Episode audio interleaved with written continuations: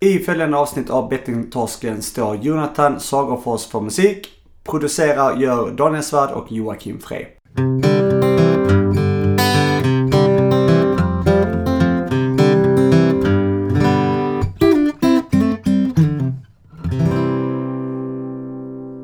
Hej och välkommen till Bettingtorsken avsnitt nummer 25. Hallå! Tjena Daniel! Hur står det till?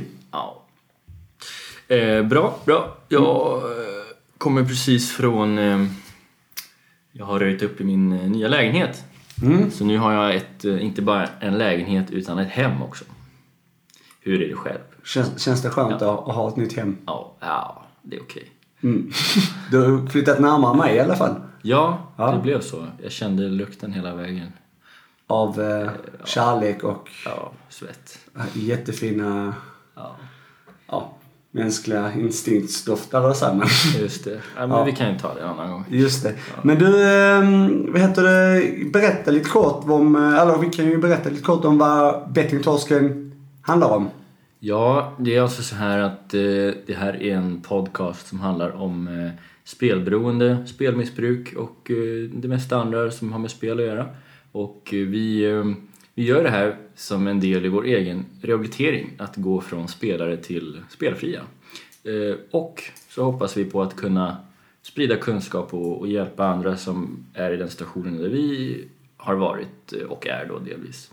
Eh, ja. Precis. Och vi bjuder ju in gäster också till Mm. vår podcast som kan hjälpa oss att förstå oss, ja, men förstå oss på problematiken kring spelberoende och spelmissbruk. Mm.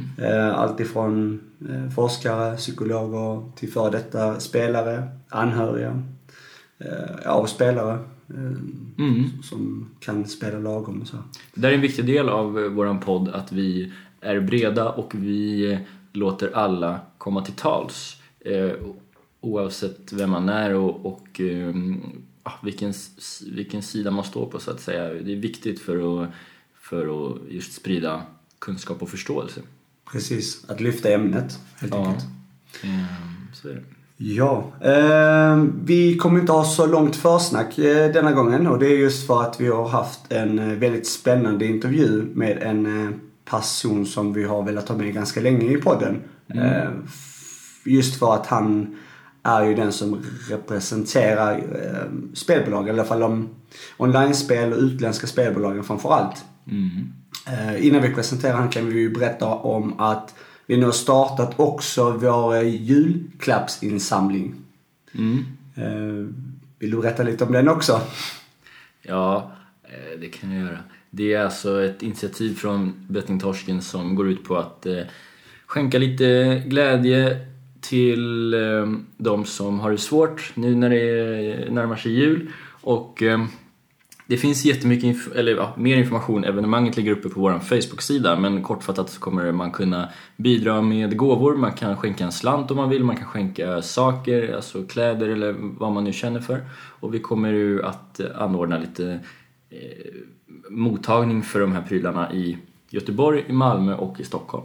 Ja, och det är för främst som du sa då, en person som behöver det. Det är hemlösa och då föräldralösa barn framförallt som Ja, vi... yes, jättebra. Ehm, och det är på Facebook-sidan så det är Bettingtorsken om ni inte visste. Jag kan säga nu när jag har flyttat och vet, man, man, man, då blir det ju alltid att man rensar upp lite grann. Jag har ju märkt nu att jag har ju en jävla massa klädesplagg som jag inte använder och jag tror att många har samma situation. Så kolla igenom snabbt och så skänk det som du inte använder. Yes. Mm. Men nu till, till gästen. Gustav Hofstedt heter eh, personen vi intervjuar. Mm. Och han kommer, eh, eller han är generalsekreterare för eh, BOS. Mm. eh, Förkortningen. Eh, Och det är bransch... Branschorganisationen för online-spel. Ja. Eh, Det var ett intressant samtal, eh, verkligen. En, eh, ja, värt att lyssna på här nu såklart. Ja, stäng inte av nu. Nej, exakt. Eh, Gör inte det. Eh, Ja, vi kan väl bara rulla in eh, Gustav Hofstedt i Bettingtorsken.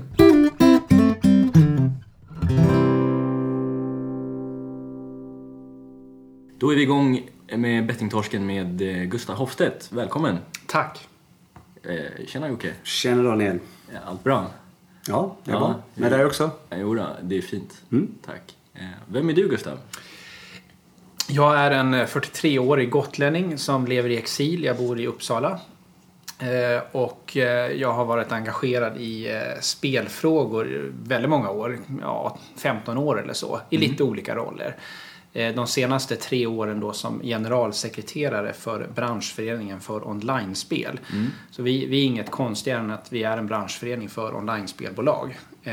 Och de ja, det är ju två typer av spelbolag. Dels sådana som, som ni möter, eller rättare sagt mötte eftersom, eftersom ni är spelfria. Alltså det vi kallar för operatörer, sådana som vänder sig direkt till kunden.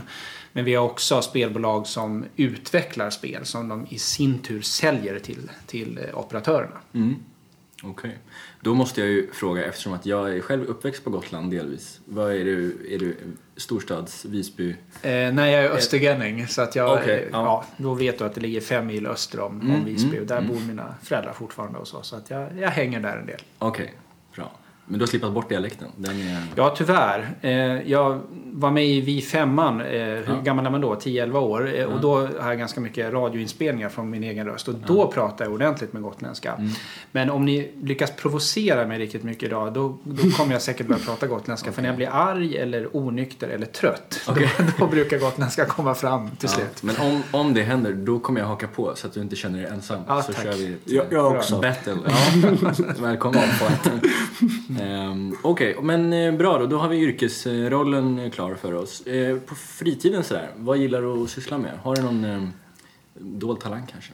Eh, ja, i så fall är den dold för mig också, dessvärre. Mm. Men eh, med de, eh, ja, på fritiden så tycker jag väldigt mycket om att, att vandra i, i fjällen och i Alperna och så. Mm. Alltså att jag, jag och min fru eh, tar med oss ett tält och sovsäckar och eh, brukar vandra så, ja, i Norrbotten eller i Österrike, Schweiz och sådär. Och det, Mm. det tycker vi är fantastiskt att göra. Och favoriten är nog Sverige. Eh, mycket tack vare allemansrätten. Att vi tar med Mm. Ja, oss exakt. tältet och kan slå upp det mer eller mindre var som helst. mm. Det, det går vi igång på. Ja, härligt. Kanske allemansrätten, pratas inte så mycket om längre känns det som. Man kanske märker det tydligare då när man är ute på, eh, eh, man inte är i Stockholm.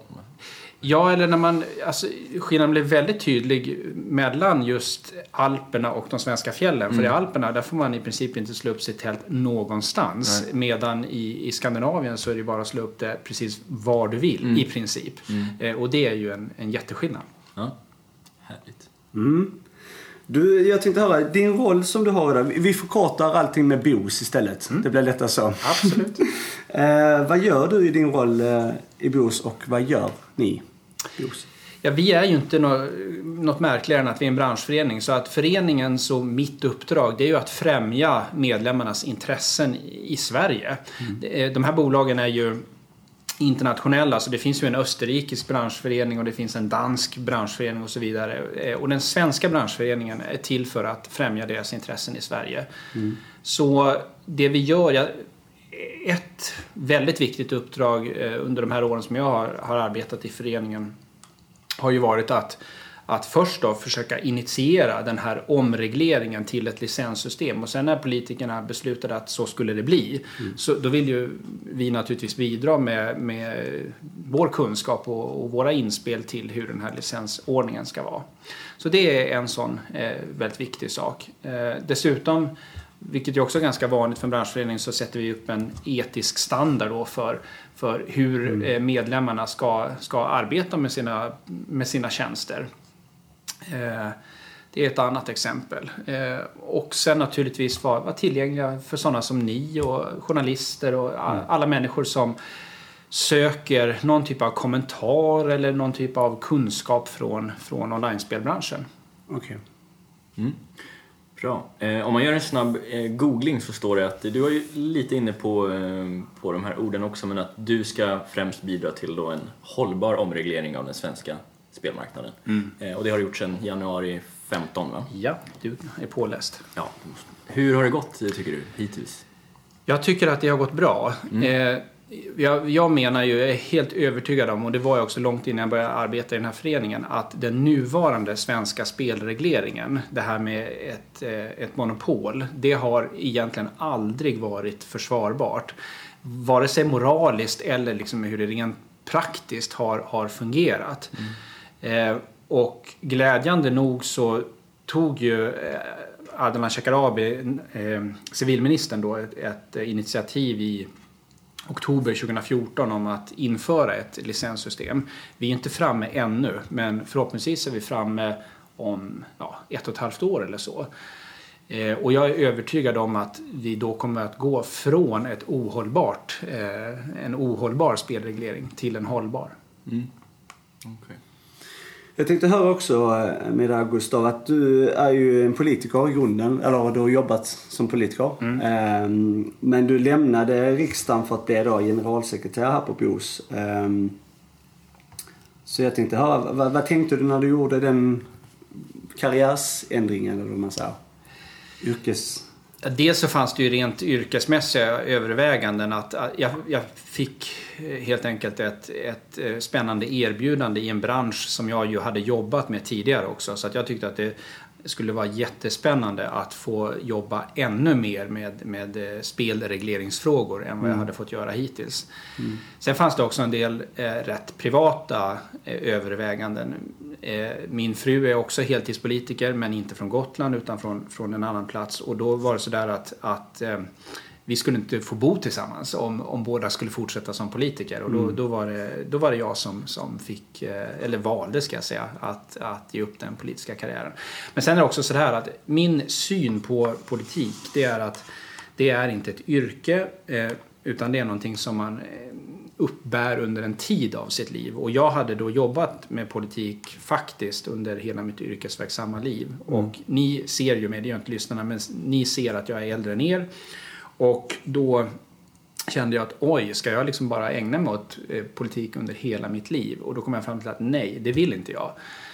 Eh, utan jag vill ut på, på den ordinarie arbetsmarknaden. Mm. Sen kan man alltid liksom resonera, ja, generalsekreterare för, för online-spelbranschen, är det ett vanligt jobb? Ja, det, mm. det, alltså, alltså, ja, jo men det är det ju för att arbetsmarknaden innehåller ju massor med, med ovanliga jobb mm. Ja, för jag tänkte höra egentligen vad som intresserade dig att välja just spelbranschen. Eh, som då inte politiken kunde ge. Alltså det var ju, den gick ihop. Ja. Men, ja. ja. först var det ju, eh, mitt engagemang började när jag var kommunalråd och socialnämndens ordförande hemma på Gotland. Eh, då mötte jag för övrigt de, de första eh, människorna med spelproblem där i socialnämnden.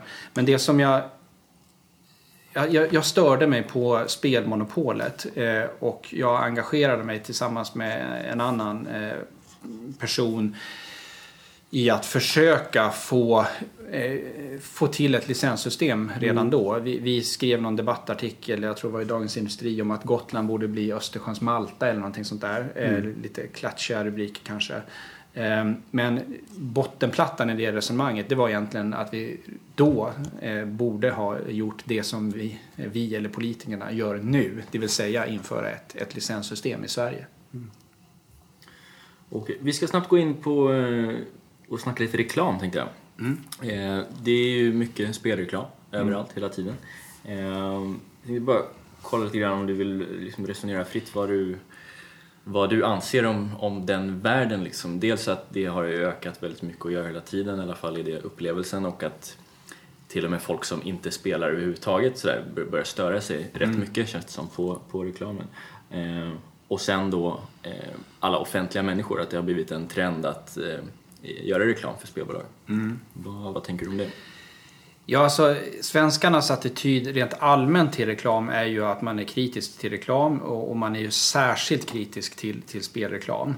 Eh, jag tycker att det är ett liksom som, som, grundhållning så tycker jag att i ett fritt demokratiskt samhälle som Sverige så är eh, reklam det är legitim kommunikation. Det är, liksom, det är rimligt att man, att man får berätta om, om eh, kommersiella budskap om produkter och tjänster.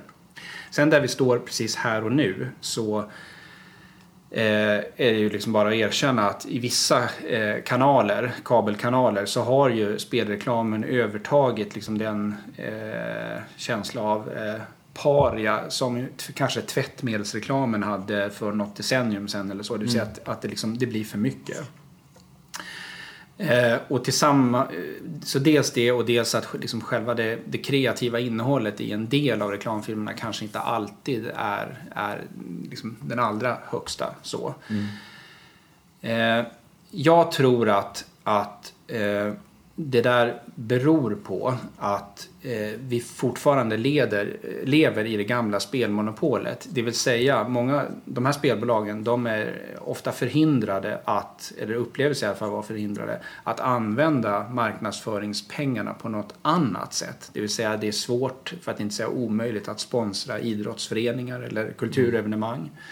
Det är eh, Eh, svårt, för att inte säga omöjligt, att samarbeta med TV4 så som de i Sverige reglerade spelbolagen gör och, och komma in i, i, i, den kanalen. Så.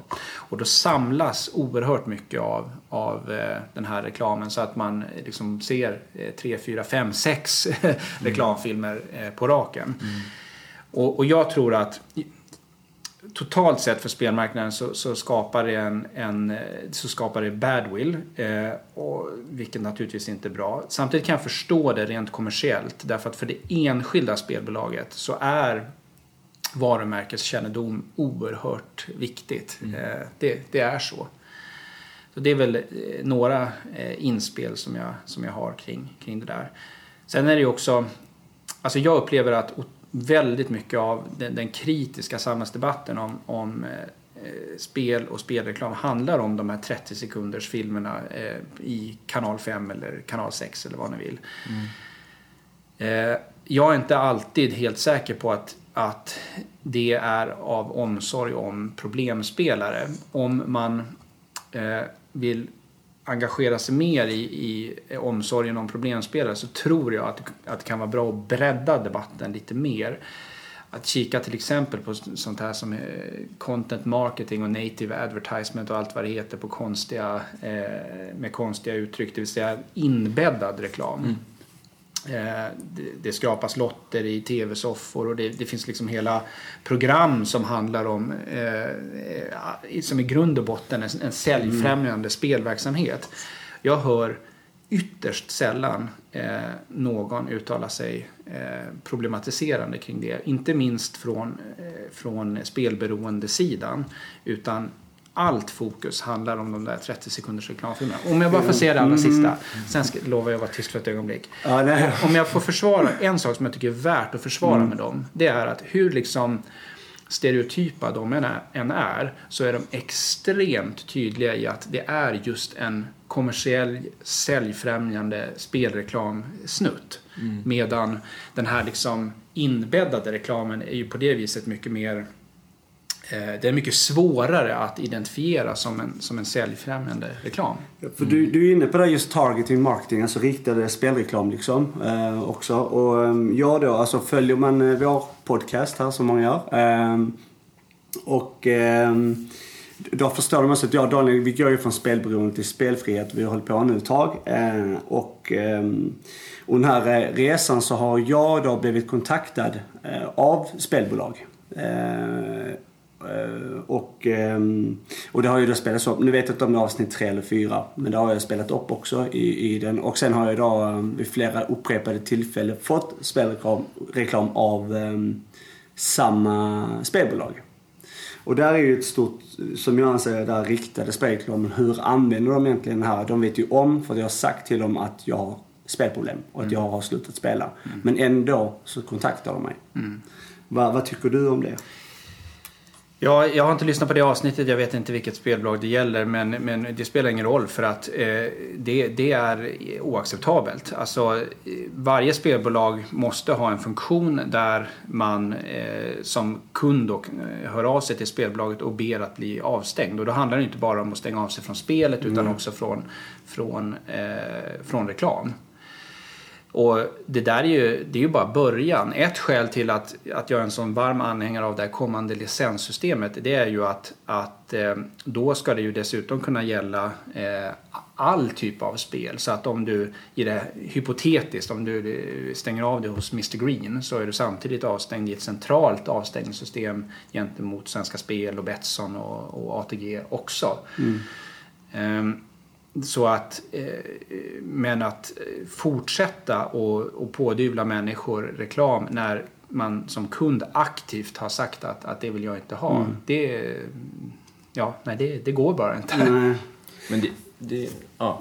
Ja, nej men, det- nej, men det, det är ju konkret liksom så att vi har ju fått, jag har ju, alltså de har följt den här resan och jag har skickat upp liksom. Och det, Får jag bara säga det då? Mm, Att eh, om det sker så då, då tycker jag att man ska vända sig till, till den licensgivande spelmyndigheten. Mm. Om det är något av de i Sverige reglerande bolagen så är det ju Lotteriinspektionen. Eh, om det är något av de i utlandet reglerade bolagen eh, så är det ju, då tar man ju reda på vilken myndighet det är. Eh, ofta Malta men det kan ju vara Storbritannien eller, eller någon annan plats också. Mm. Sen kan det ju vara eh, något helt oreglerat spelbolag och då har man ju problem naturligtvis.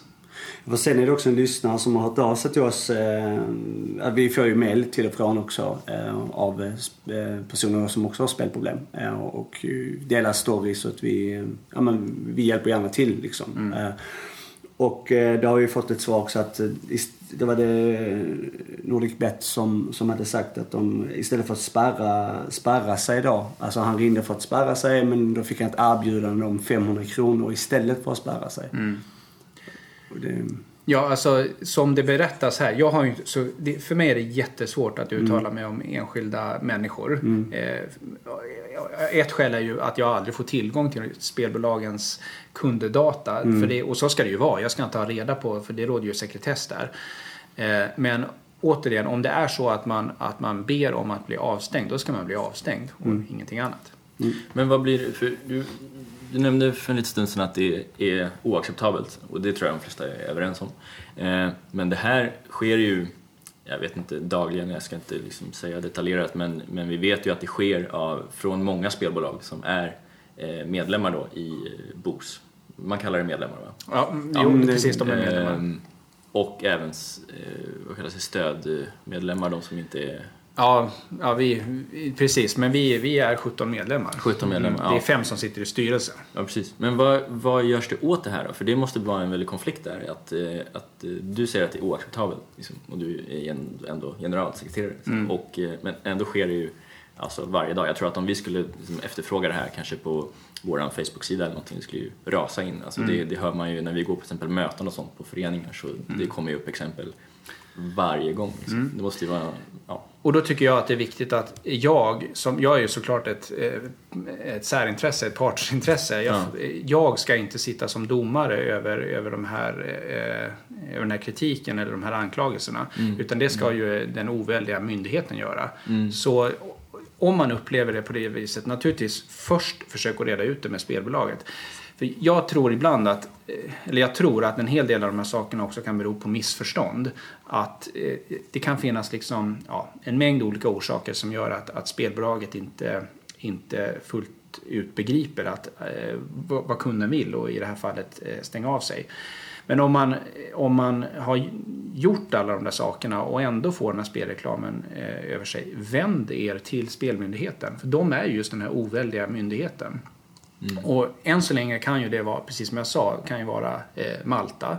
Malta är ju eh, i många avseenden vassare än Sverige vad gäller konsumentskydd. Det kan vara bra att veta. Tillåter exempelvis inte spel på kredit, vilket ju Sverige delvis gör. Eh, om något år, eller högst två, när vi har ett svenskt licenssystem, då är det ju den svenska spelmyndigheten som, som kommer att hantera alla de här spelbolagen. Mm. Okej. Ja, Jag bara tänker att det måste vara en väldig, väldig konflikt liksom, om ni sitter här och tycker att det är helt oacceptabelt och samtidigt så sker det liksom. Jo, men, Oavbrutet, liksom. ja, men med, med all respekt för alla de berättelserna i, så får jag ibland ta del av att, att det kan röra sig om eh, ja, missförstånd eller otydlighet eller sådär. Men också naturligtvis, det är klart att vi gör fel eller att mina medlemsbolag gör fel också ibland. Men jag vill samtidigt säga det att, att tro inte att, att det är någon slags eh, avsikt i de där misstagen. Eh, för det är en extremt förekommande uppfattning att spelbolagen nog ändå, trots allt, om man, om man liksom skrapar på ytan, skulle vilja ha kvar eh, problemspelare. Och, och det, det är inte så. Det är verkligen inte så.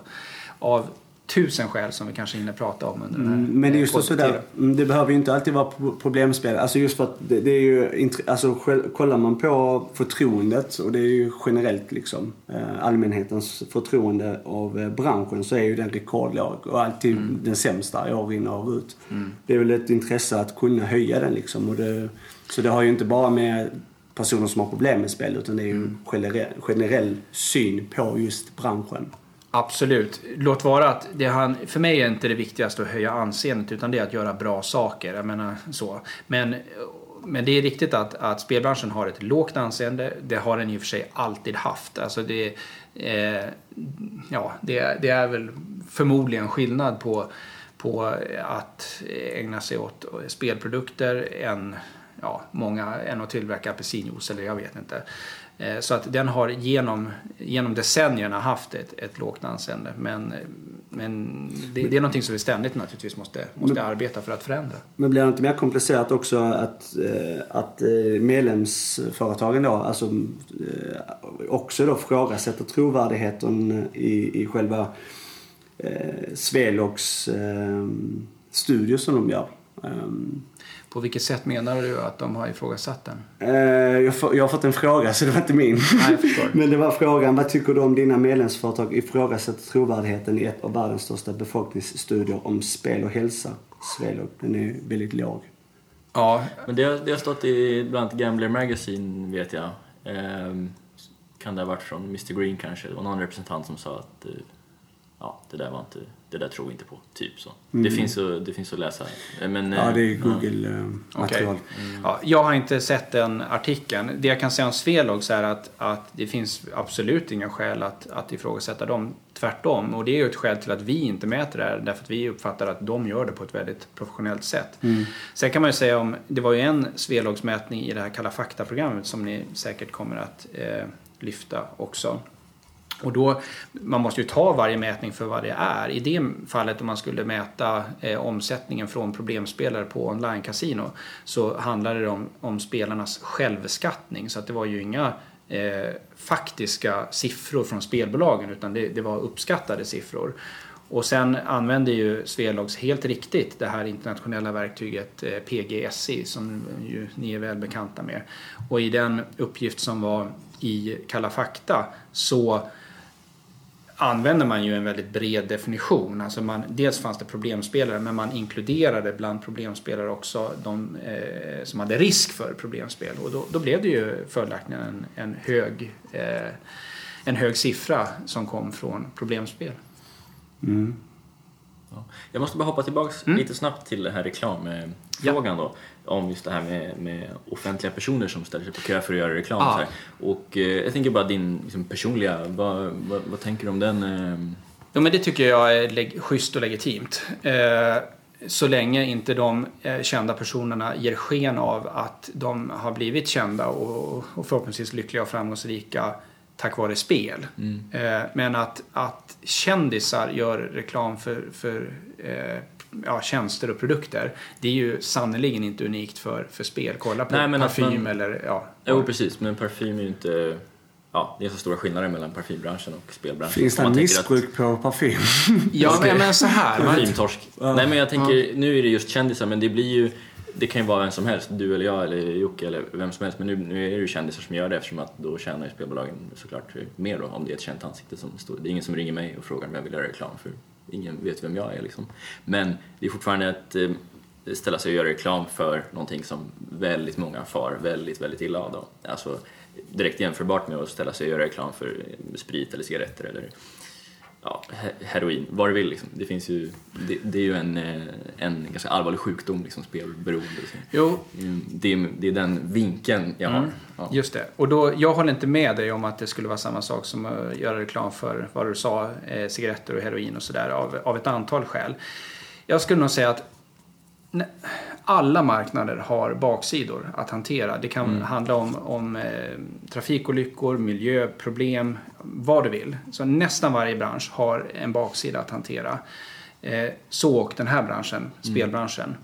Men det är ju fortfarande så att, att eh, 98% av befolkningen eh, lider inte av, av spelproblem. Eh, mm. och för en hyggligt stor andel av de människorna så är eh, spel livsglädje, förströelse, eh, det är kopplat till, till glädje kort sagt. Eh, och, och, och, så måste det nog ändå vara i ett, i ett fritt samhälle som i alla fall jag vill leva i. Att eh, att vi tillåter saker men vi samtidigt reglerar det för att minska skadeverkningarna. Nu sitter vi här och pratar om, om eh, spelmissbruk men som sagt vi skulle kunna prata om något annat ämne där människor omkommer i trafikolyckor eller ja, vad du vill. Eh, mm. och den slutsatsen skulle kunna bli, ja men låt oss förbjuda det också då. Och till slut så har vi förbjudit mm. allt. Eh, ja, och det... nej, jag, jag, vill inte, förlåt om jag avbryter, bara för det är mm. viktigt mm. att, eh, för att inte missförstå frågan. Jag vill inte att spel ska förbjudas, absolut inte. Mm. För, och det tror jag inte du vill heller Jocke. Det är väl få nej. som egentligen har som ståndpunkt att vi ska förbjuda spelet. Därför att som du säger, det är många som har glädje av det. Sen finns det sådana som oss som, som inte kan hantera det. Mm. Men det är ju det är fler som kan hantera det än som inte kan.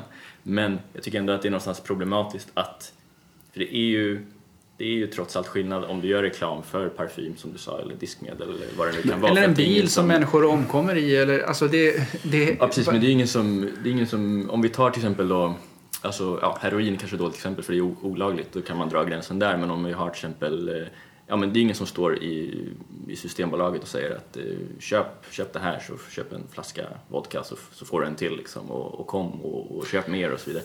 Det, mm. det är där skillnaden ligger. Liksom. Absolut, men, men, skillnaden med Systembolaget är ju gigantisk. Eh, ett är ju att, att den statliga alltså alkoholdistributionen den har inget avkastningskrav medan den statliga spelverksamheten avkastar 4-5 miljarder varje mm. år. Mm. Systembolaget gör reklam för att de aldrig någonsin skulle göra reklam för en enskild produkt. Det mm. gäller ju verkligen inte det, det statliga spelbolaget som mm. hårt går in och gör reklam för enskilda spelprodukter.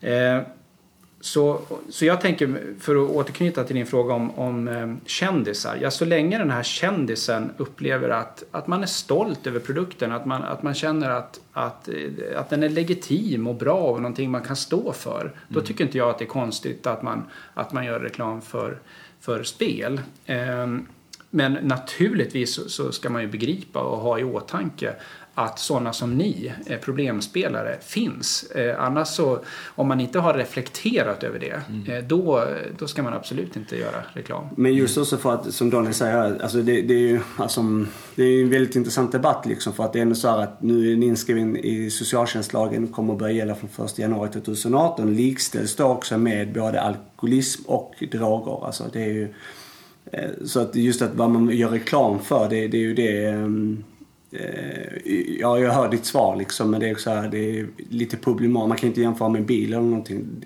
på det sättet. För att, jag menar, eh, att det är en sjukdom, legitim sjukdom, liksom, eh, från 2018 då, januari, börjar gälla liksom. Det ju... Och det är ju någonting som jag verkligen välkomnar att, att eh, rätten till, eh, till hjälp enligt socialtjänstlagen då äntligen finns där. Det borde ju ha införts för länge sedan för spelmissbruk har ju funnits i, i decennier. Det är ju egentligen ett mm. politiskt svek att man inte har, eh, har erbjudit det. Jag berättade ju tidigare att jag var ordförande för en socialnämnd i en kommun. Och eh, då var det ju precis på det sättet att de som kom dit med ett, med ett narkotikamissbruk eller alkoholmissbruk, de hade laglig rätt att kräva eh, stöd för, för att bekämpa sitt missbruk medan spelmissbrukarna då och fortfarande då är helt utlämnade till, till socialnämndens mm. godtycke.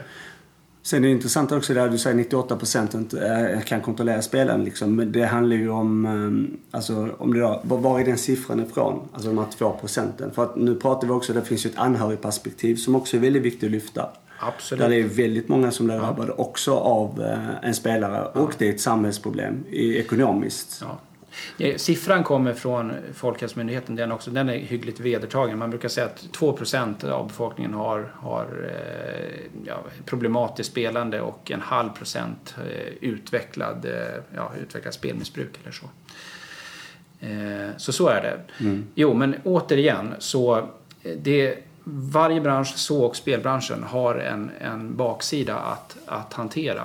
Och det, eh, vi vill inget annat än att eh, göra andelen problemspelare så liten som det någonsin är möjligt. Sen är det i och för sig så att, att eh, det, det, kommer ju aldrig att, att bli noll, det, det fattar vi ju alla. Mm. Spel har funnits i hundratals, tusentals år och spelmissbruk har funnits i hundratals, tusentals år. Men, med det sagt, så det finns ganska mycket man kritiserar online-spelbranschen för men den innebär ju samtidigt nya möjligheter att bekämpa spelmissbruk. Och det, det jag far efter det är ju det här att Ja, bara en sån sak som att, att man eh, identifierar sig när man kommer in på, på spelsidorna. Eh, så att, eh, eh att hålla borta minderåriga och liknande. Eller den som då aktivt har stängt av sig. Och sen den här, alla de eh, Eh, de verktyg som erbjuds som att sätta budget, nedkylningsperioder, självskattning av spelproblem. Allt det där finns ju på spelsajterna. Eh,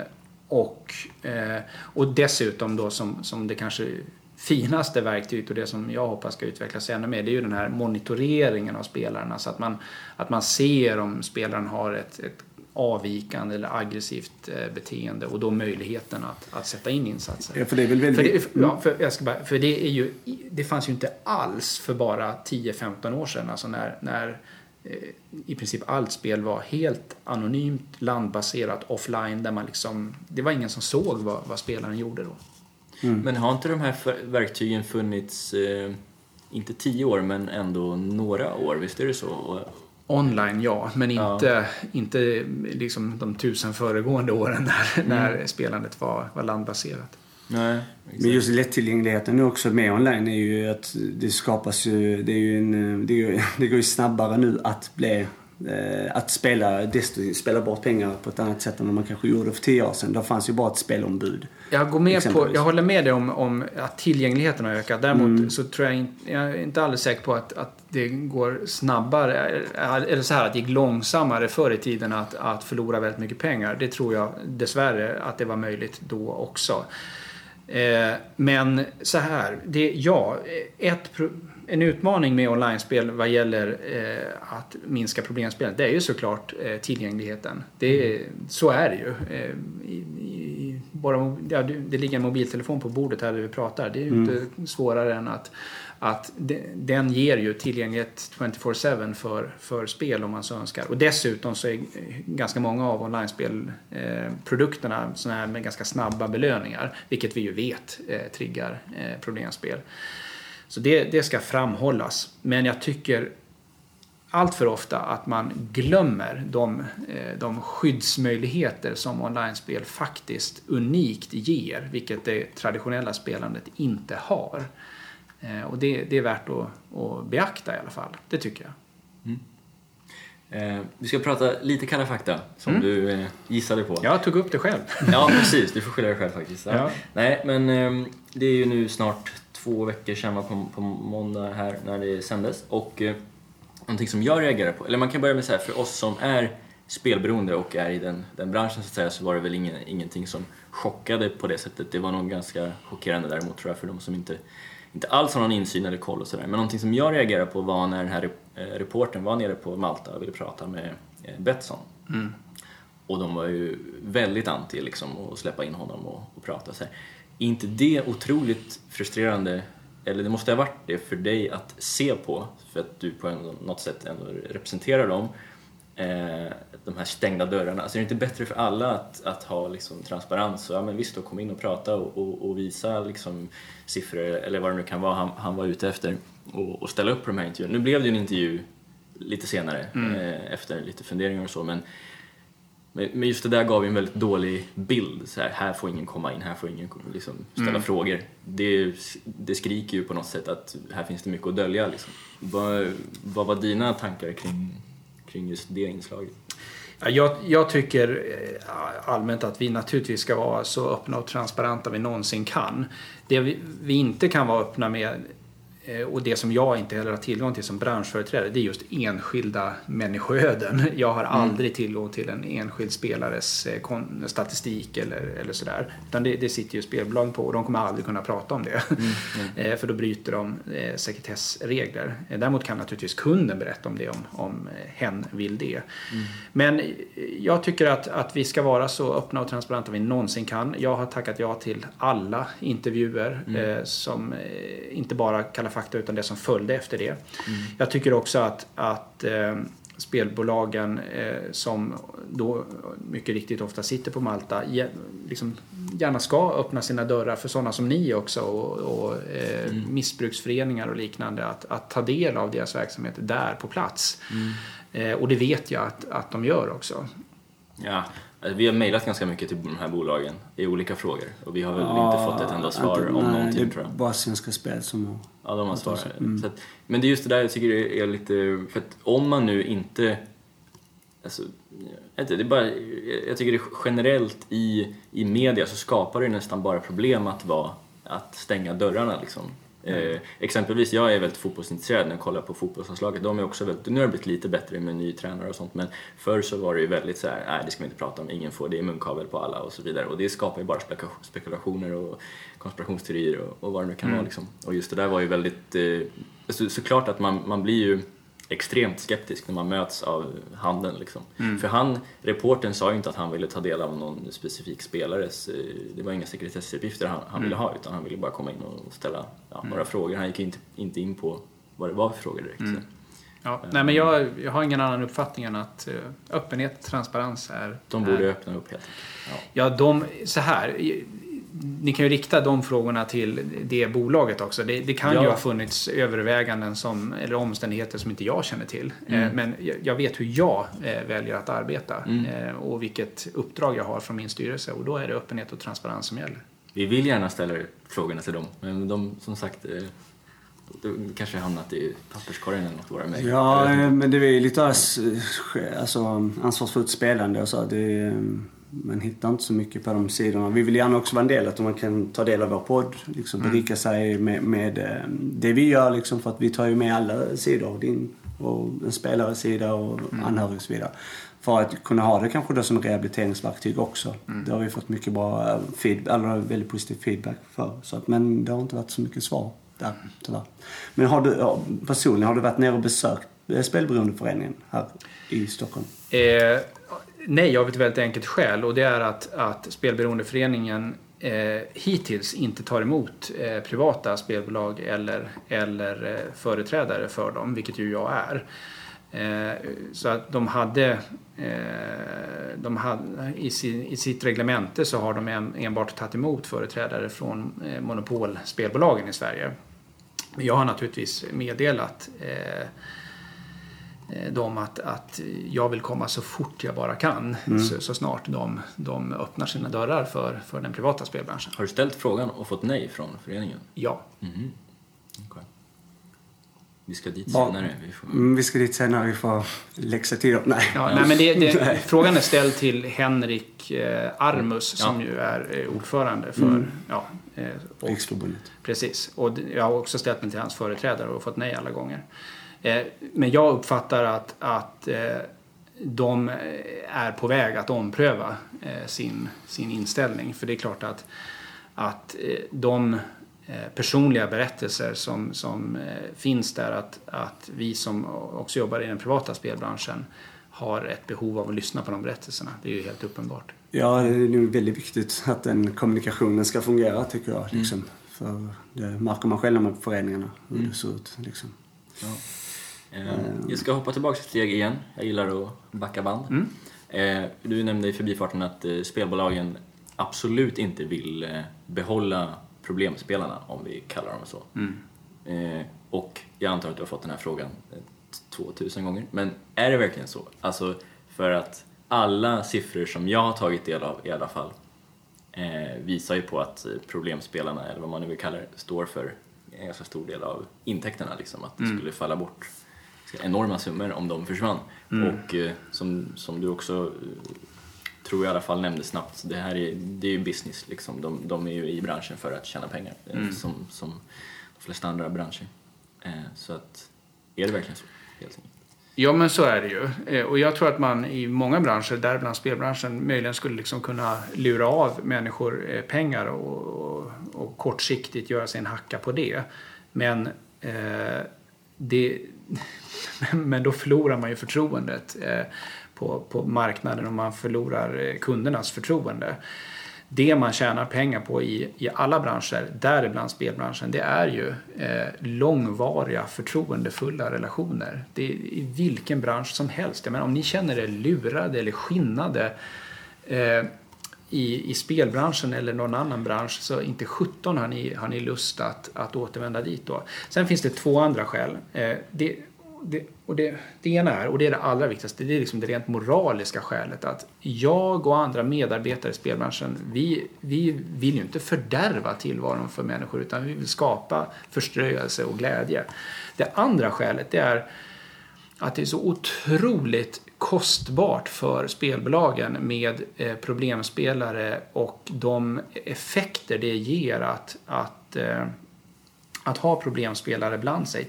Eh, det skulle vara väldigt intressant till exempel om någon kan värdera vad den här Kalla fakta-granskningen, vad den har kostat eh, i termer av eh, eh, kritik och oro från investerare och liksom, ja, den här allmänna eh, Eh, badwillen som den typen av, av problemspelsrelaterad eh, media ger. Det är enormt dyrbart för, för spelbolagen att eh, alls ha problemspelare bland sig.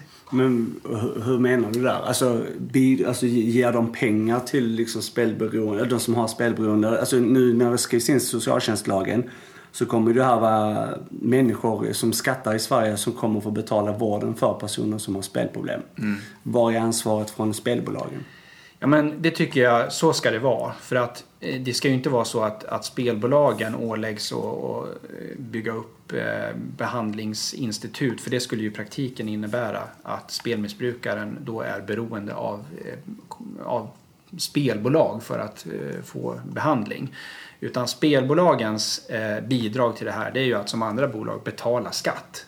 Eh, inte öronmärkt till några, till några eh, behandlingshem eller så. Det tycker jag är en väldigt viktig princip. Precis som en alkoholmissbrukare inte ska vara beroende av Bacardi för att få mm. behandling för sitt alkoholmissbruk. Mm. Um, nu hade jag en fråga på tungan här som försvann. Um, ja, vi kan, eh, vi kan vi kan gå vidare så länge, jag återkommer till det. Ja, jag tänkte prata lite grann om matchfixning. För du har varit, eh, du har varit ute mycket och pratat om det. Mm. Um, ja, det är ett problem. Alltså matchfixning, ja, var, varför, är, det, är det något som spelbolagen ska engagera sig i? Tänker jag. Alltså så här, är inte det polis och de här olika förbundens ansvar? Uh, det är väl ingenting som spelbolagen, eller är det bara för att ni själv känner att ni engagerar sig mycket i det för att det är mycket pengar som försvinner från spelbolagen? Ja men vi är ju brottsoffer. Det är ju som att säga till om du har fått inbrott hemma hos dig att vad ska du engagera dig i det för? Det är väl polisens sak. Det är klart att alltså, vi är ju utsatta för brott. Eh, så det är inte så konstigt att vi engagerar oss i, i det. Eh, och dessutom är det ju så att... att eh, Men känns det inte som att ni flyttar liksom problem med ansvarsfullt spelande att det liksom matchfixning är det som snackas om istället för spelansvaret liksom? Jag tycker nog att, att det i ett bra samhälle måste finnas utrymme för eh, att diskutera alla problem som, som, alltså sånt som kan göras bättre. Och nej, så jag tror inte att, att det sker, om man pratar matchfixning, kampen mot det, så, så tror jag inte att det sker på bekostnad av, av någonting annat.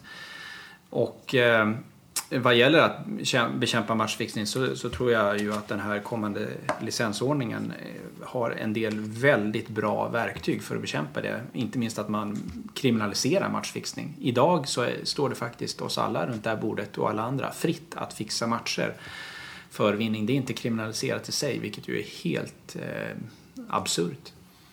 Mm. Mm. Jag har kommit på min fråga nu.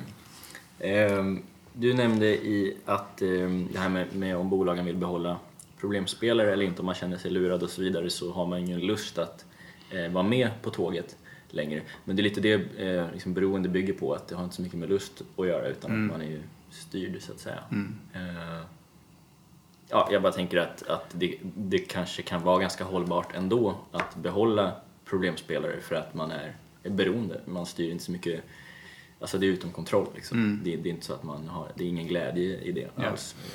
Men det, det, är ju ändå så att, eh, att de spelberoende är i minoritet. Eh, låt vara att de kanske spenderar eh, mycket pengar. Det ligger ju i sakens natur att de spenderar mer pengar än, mm. än en normalspelare. Men som eh, alltså genomsnitts eh, konsumtionen det är ju 5, 6, 700 kronor eller någonting i den stilen hos, för en, eh, en genomsnittlig spelkund i ett spelbolag. Och det gör de eh, då ja, månad ut, månad in, år ut, år in. Eh, och alltså kundstocken, det är ju liksom miljoner människor. Det är där, det är där pengarna ligger. Eh, så det, man, man, man, kan naturligtvis tycka att, en, att enskilda problemspelare Eh, gör av med mycket pengar. Men de, den stora kommersiella avansen det är de här liksom miljonerna människor som, som spelar på en, en eh, rimlig nivå. Man räknar man procentuellt så är det ju väldigt liten procent av beroendepersonerna som bidrar till en väldigt, alltså vi pratar 50 procent av intäkterna. Alltså, men om alla ska bara spela för 500 kronor av alla, alltså eh, 100 procent Eh, för att det ska liksom vara um, ansvarsfullt och att det ska vara hållbart. Ehm, då blir det ju absolut ingen lönsamhet i det. Jo, men det kan det väl bli. Eller det, det, i högsta grad är det lönsamhet i det. Och det är ju alltså så här. Vi, jag berättade inledningsvis här att, att jag själv är road av att vandra i fjällen och så. Eh, och jag lägger ner eh, hyggligt mycket pengar på det. Eh, andra människor gör andra saker och några människor ägnar sig åt eh, att lägga de där pengarna på spel. Och, eh, så att det är en del av, av så att säga, nöjesbudgeten. Eh, och det är så pass många människor för spel i det här landet, i vårt land Sverige, det är en del av, av den svenska folksjälen. Så det är så många människor som, som gör det att det i högsta grad är lönsamt för, för spelbolagen med eh, ja, normalkonsumenter. Inte med den kalkylen jag har, men det är... vi har ju olika papper. Men det, men det handlar också mycket om eh, eh vilka erfarenheter man har. Alltså jag är helt övertygad om att det är precis tvärtom, att spelbolagen gärna behåller problemspelare. Liksom. Mm. Men det får man ju... Det är bra med lite olika åsikter, blir det debatt. Eh, mm. Men det är också på grund av, det byggs ju på eh, mina erfarenheter, att jag har själv varit utsatt för och sett folk som har verkligen försökt och sagt till spelbolagen, bland annat du då, att jag vill inte liksom, och så kommer det reklam på reklam på reklam på mm. olika sätt och det är väldigt tydligt att okej vi ringer, vi ringde kunden, det, det funkar inte, vi, vi skickar sms, det funkar inte, sen skickar vi ett fint brev och det, erbjudanden, det blir bättre erbjudanden hela tiden. Så, så att det Där var... är också siffror på ju, alltså det finns ju siffror att ta del på. Ja men det är också, ja, precis siffror, det är upplevelser från Spelberoendes förening och sådär. Och då, så, så för mig är det, det är väldigt främmande att de inte att de inte skulle vilja det, för då hade de inte varit sådär aggressiva på, på problemspelare. Liksom. Men eh, Ja, för när man, det, som, det som du säger, eh, om man inte har så att säga, någon koll på branschen alls så låter det ju självklart att i alla branscher så är det som är lönsamt det är långsiktiga relationer. Liksom. Eh, det vill ju alla ha. Eh, man ser ju många till exempel, det, det finns mycket folk som står ute på stan och säljer telefoner och sånt där. Blir man lurad av, av Telenor, då mm. är man ju aldrig mer med på Telenor. Då mm. man ju något annat. Och det, och det är verkligen inte konstigare i spelbranschen. Det är inte det. Eh, så. Jag, jag kommer säkert få kritik i något Twitterflöde för att jag, att jag jämför med något så trivialt som livsmedelsbranschen. Men förra veckan så, så var jag och köpte en ost på, på extrapris. Och, den, och sen så ser jag på kvittot när jag kommer hem. Oj, de har tagit dubbelt så, så mycket betalt för den som, mm. som eh, det här erbjudandet var. Jag känner mig lurad. Eh, mm. Och då, då tröttnar jag på den butiken. Och det, det, är inte konstigare. I... Men du är inte ostberoende. Det är en stor det, skillnad. Ja, jag, jag, känner till den, den invändningen. Så, och det är klart att man kan alltid säga att, att spelbranschen i alla avseenden, att det inte går att dra några som helst jämförelser med någonting. Och det är möjligt att, eh, eller så här, jag tror inte riktigt att det är så. Eh, för som sagt var, andra branscher skapar dödsolyckor, eh, miljöförstörelse, mm. svåra arbetsförhållanden i tredje världen. Mm. Alla branscher har baksidor. Mitt ansvar och min bransch, det är att, att motverka spelberoende. Men det är också så att ja, det är faktiskt möjligt att, att jämföra en del med, med andra branscher också. Och det är inte så att andra branscher är, är helt eh, problembefriade. Mm. Nej, absolut inte. Och det är ju, men ja, nu har vi erfarenhet av just spel liksom, så vi, vi granskar ju det så gott vi kan. Eller mm. granskar, för vi gör det för att liksom försöka bli friska så ja. att säga. Och det, det är mitt ansvar också och jag, jag har ju valt att, att mm. jobba i, i spelbranschen. Mm. mm. Eh, som vi var inne på i början där så har du varit nu på din post i snart tre år. Mm. Eh, vad har blivit eh, klart bättre tycker du sen du tillträdde? Om du ska få möjlighet att skryta lite. Ja, ja, det är ju att i princip ingen längre ifrågasätter att vi ska ha ett licenssystem i Sverige. Idag kan det tyckas som en självklarhet. Det är enbart Vänsterpartiet och Sverigedemokraterna bland de politiska partierna och i övrigt så, så finns det nästan ingen där ute som, som eh, förordar någonting annat. Så att det är ju en fantastisk eh, förändring och, och, och förbättring. Det är, det är den allt överskuggande eh, förändringen. Eh, för den möjliggör ju också samarbete vad gäller att bekämpa problemspel, matchfixning och liksom branschens baksidor. Det möjliggör samarbete mellan spelbolag på ett, på ett helt nytt sätt också. Eh, och runt hörnet då så väntar till exempel detta med central självavstängning, att, att problemspelare ska kunna stänga av sig hos samtliga spelbolag när vi har licenssystemet. Så det är den, den absolut stora eh, förbättringen. Det, det där du nämnde sist nu tror jag är en jätteviktig fråga. Om jag skulle få ge något eh, tips sådär, nu gör ni väl redan det, men satsa hårt på det därför att det där måste man kunna få styra mer över själv. Man har ju, vi har ju till exempel Svenska Spels kasino Cosmopol, där kan man ju spärra sig i tre år. Liksom. Mm. Fast man borde ju kunna spärra sig på livstid eftersom att spelberoende är ju en, ja det är man ju för alltid så att säga. Precis som att man är alkoholist, sen kan man vara nykter eller inte. Men det finns och man kan ju spärra sig hos online-spelbolagen också i olika tidsperioder. Det är ju en självklarhet. Mm. Ja, men det är också ja, det här med att själva indikera liksom spelande, alltså en problemspelare. Att man liksom med verktygen då ser och verkligen riktar en bra positiv reklam, eller vad man säger. Att man tar kontakt med spelaren. Nu, nu har du brutit ditt mönster, det ser mm. annorlunda ut. Och då mäter man liksom både mm, eh, antal köpta spel, summorna, hur det föränd, mm. alltså förändringsbeteendet. För det, det är ju inte så tydligt idag. Hade jag då till exempel fått en indikation från spelbolaget jag spelar på då, så hade jag kanske då inte spelat som jag hade gjort. Om de hade bara ringt sagt hej du har nu spelat väldigt onormalt i, i två eh, dagar eller tre mm. eller vad det kan vara. Mm. Alltså i missbruks destruktiva beteenden. Ja. Och där måste man ju verkligen, eh, för då tar man ju ansvar på riktigt. Absolut. Och, och liksom bottenplattan, minimikravet, är ju att kunden på egen begäran ska kunna ta del av alla sina transaktioner. Det vill säga förluster, insättningar, uttag.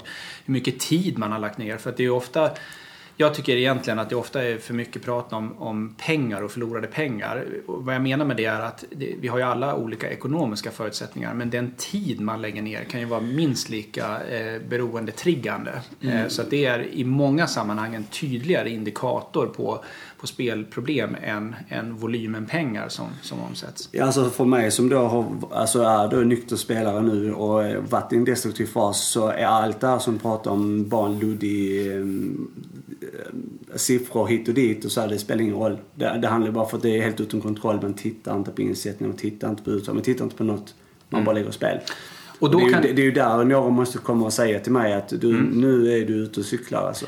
Absolut, och det var därför jag sa att det var bottenplattan. Att, mm. att man som kund ska kunna begära det där.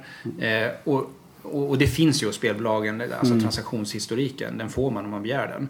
Men jag håller helt med dig om att, att vi med de fantastiska övervakningsverktyg eh, som finns inom online-spel så ska ju dessutom eh, åtgärder sättas in när man när man eh, uppvisar ett problematiskt spelbeteende. Och då vill jag säga det, mm. att det är inte givet att den, att den bästa åtgärden omedelbart är att liksom stänga av den spelaren. För då vet ni ju själva vad, vad man gör som problemspelare. Då vänder man sig bara till, till nästa spelbolag.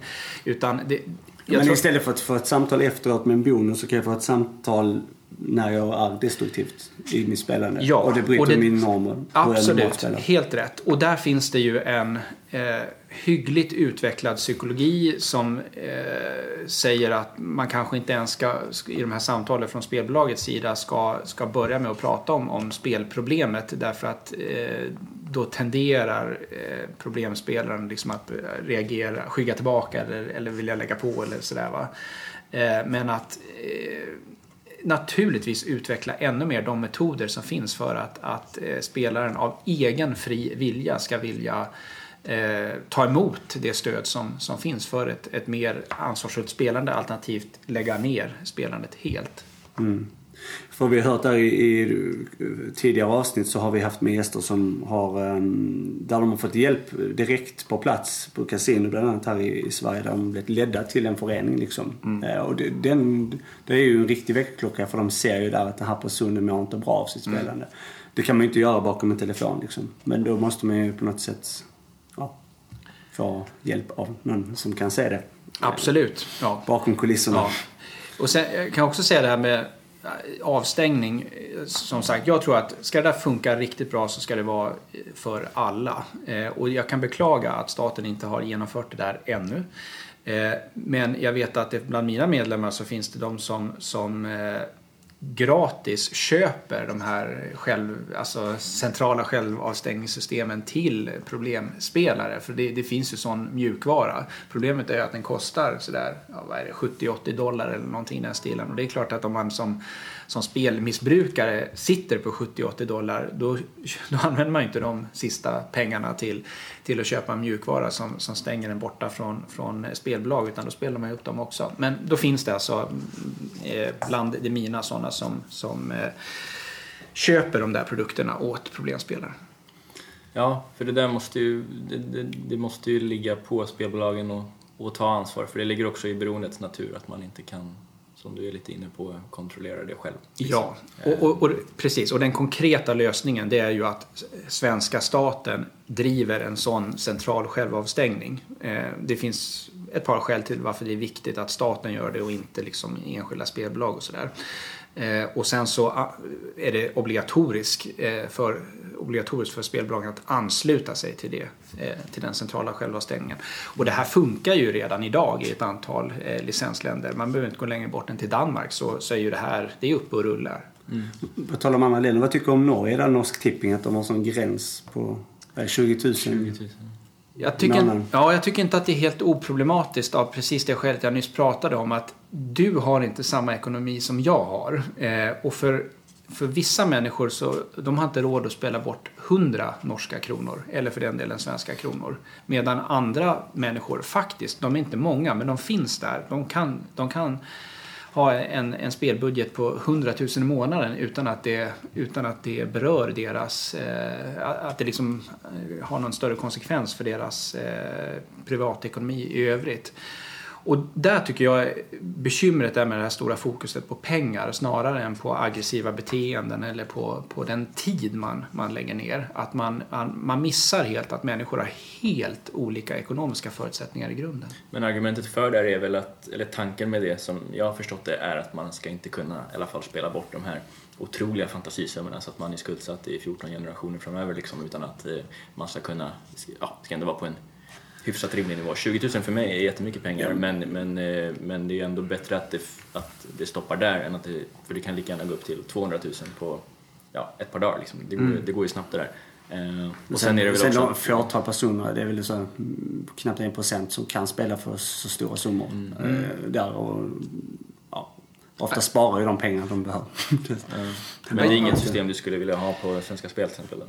Ja, jag, jag är tveksam till det av precis det där skälet jag sa och jag tror också att det finns en risk att man, att man då inte ser de som eh, gör av med en mindre summa pengar men som ändå uppvisar alla beteenden på ett problematiskt spelande och som egentligen inte borde spela bort 100 spänn. Kan man inte ha både och då? Alltså den gränsen och en bra koll på tid och, och annat? Eh, det kan man tänka sig, men då, då träffar man ju inte alltså de här högvolymspelarna som inte har eh, problemspel. Och då är risken uppenbar att de vänder sig utanför licenssystemet. Och det är väl det sista av allt som vi vill, att, att det liksom ska vara massa svartspel i framtiden. Eh, Ja, vi måste tyvärr börja runda av då. Eh, Jag ska fråga snabbt, är det någonting som du tycker att vi har missat? Någonting som eh, är värt Mm, att jag få med innan det. vi stängs av här då? Alltså Du får det, chans. så här, det, här är en otroligt fascinerande eh, verksamhet att, att eh, diskutera om. Eh, så att vi skulle kunna sitta här i timmar. Jag känner mig hedrad att få, att få ha pratat med er. Det, det är också helt naturligt att, att eh, nio gånger av tio som man pratar om, om spel så handlar det om spelmissbruk. Och i ert fall är det ju av självklara skäl eftersom ni, ni för ju en kamp att, att hålla er spelfria. Men det, det, det är en, en eh, fascinerande verksamhet eh, det här. Och eh, ja, jag är tacksam för att ha fått vara med. Vad bra. Har du några roliga planer framöver? Ja, vi har ju många roliga planer. Vi arrangerar lunchseminarier återkommande. Eh, Så det är ju någonting som vi, som vi är både glada och, och stolta över. Så det, och då, till dem är man alltid välkommen såklart. Grymt. Jag har en sista fråga som jag brukar ställa. Um, vad har du att rekommendera uh, oss och lyssnarna generellt i livet? Det behöver inte handla om spel. Det kan vara vad som helst.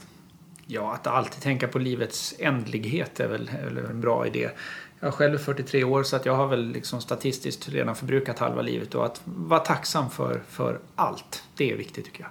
Mm. Underbart. Härligt. Ehm, så stort tack för att du Ja. ställde upp och eh, med så kort varsel. Verkligen stort tack för att du ställde upp så snabbt inpå. Tätt inpå, Simon. Tack själva och tack för att ni gör en, en viktig insats.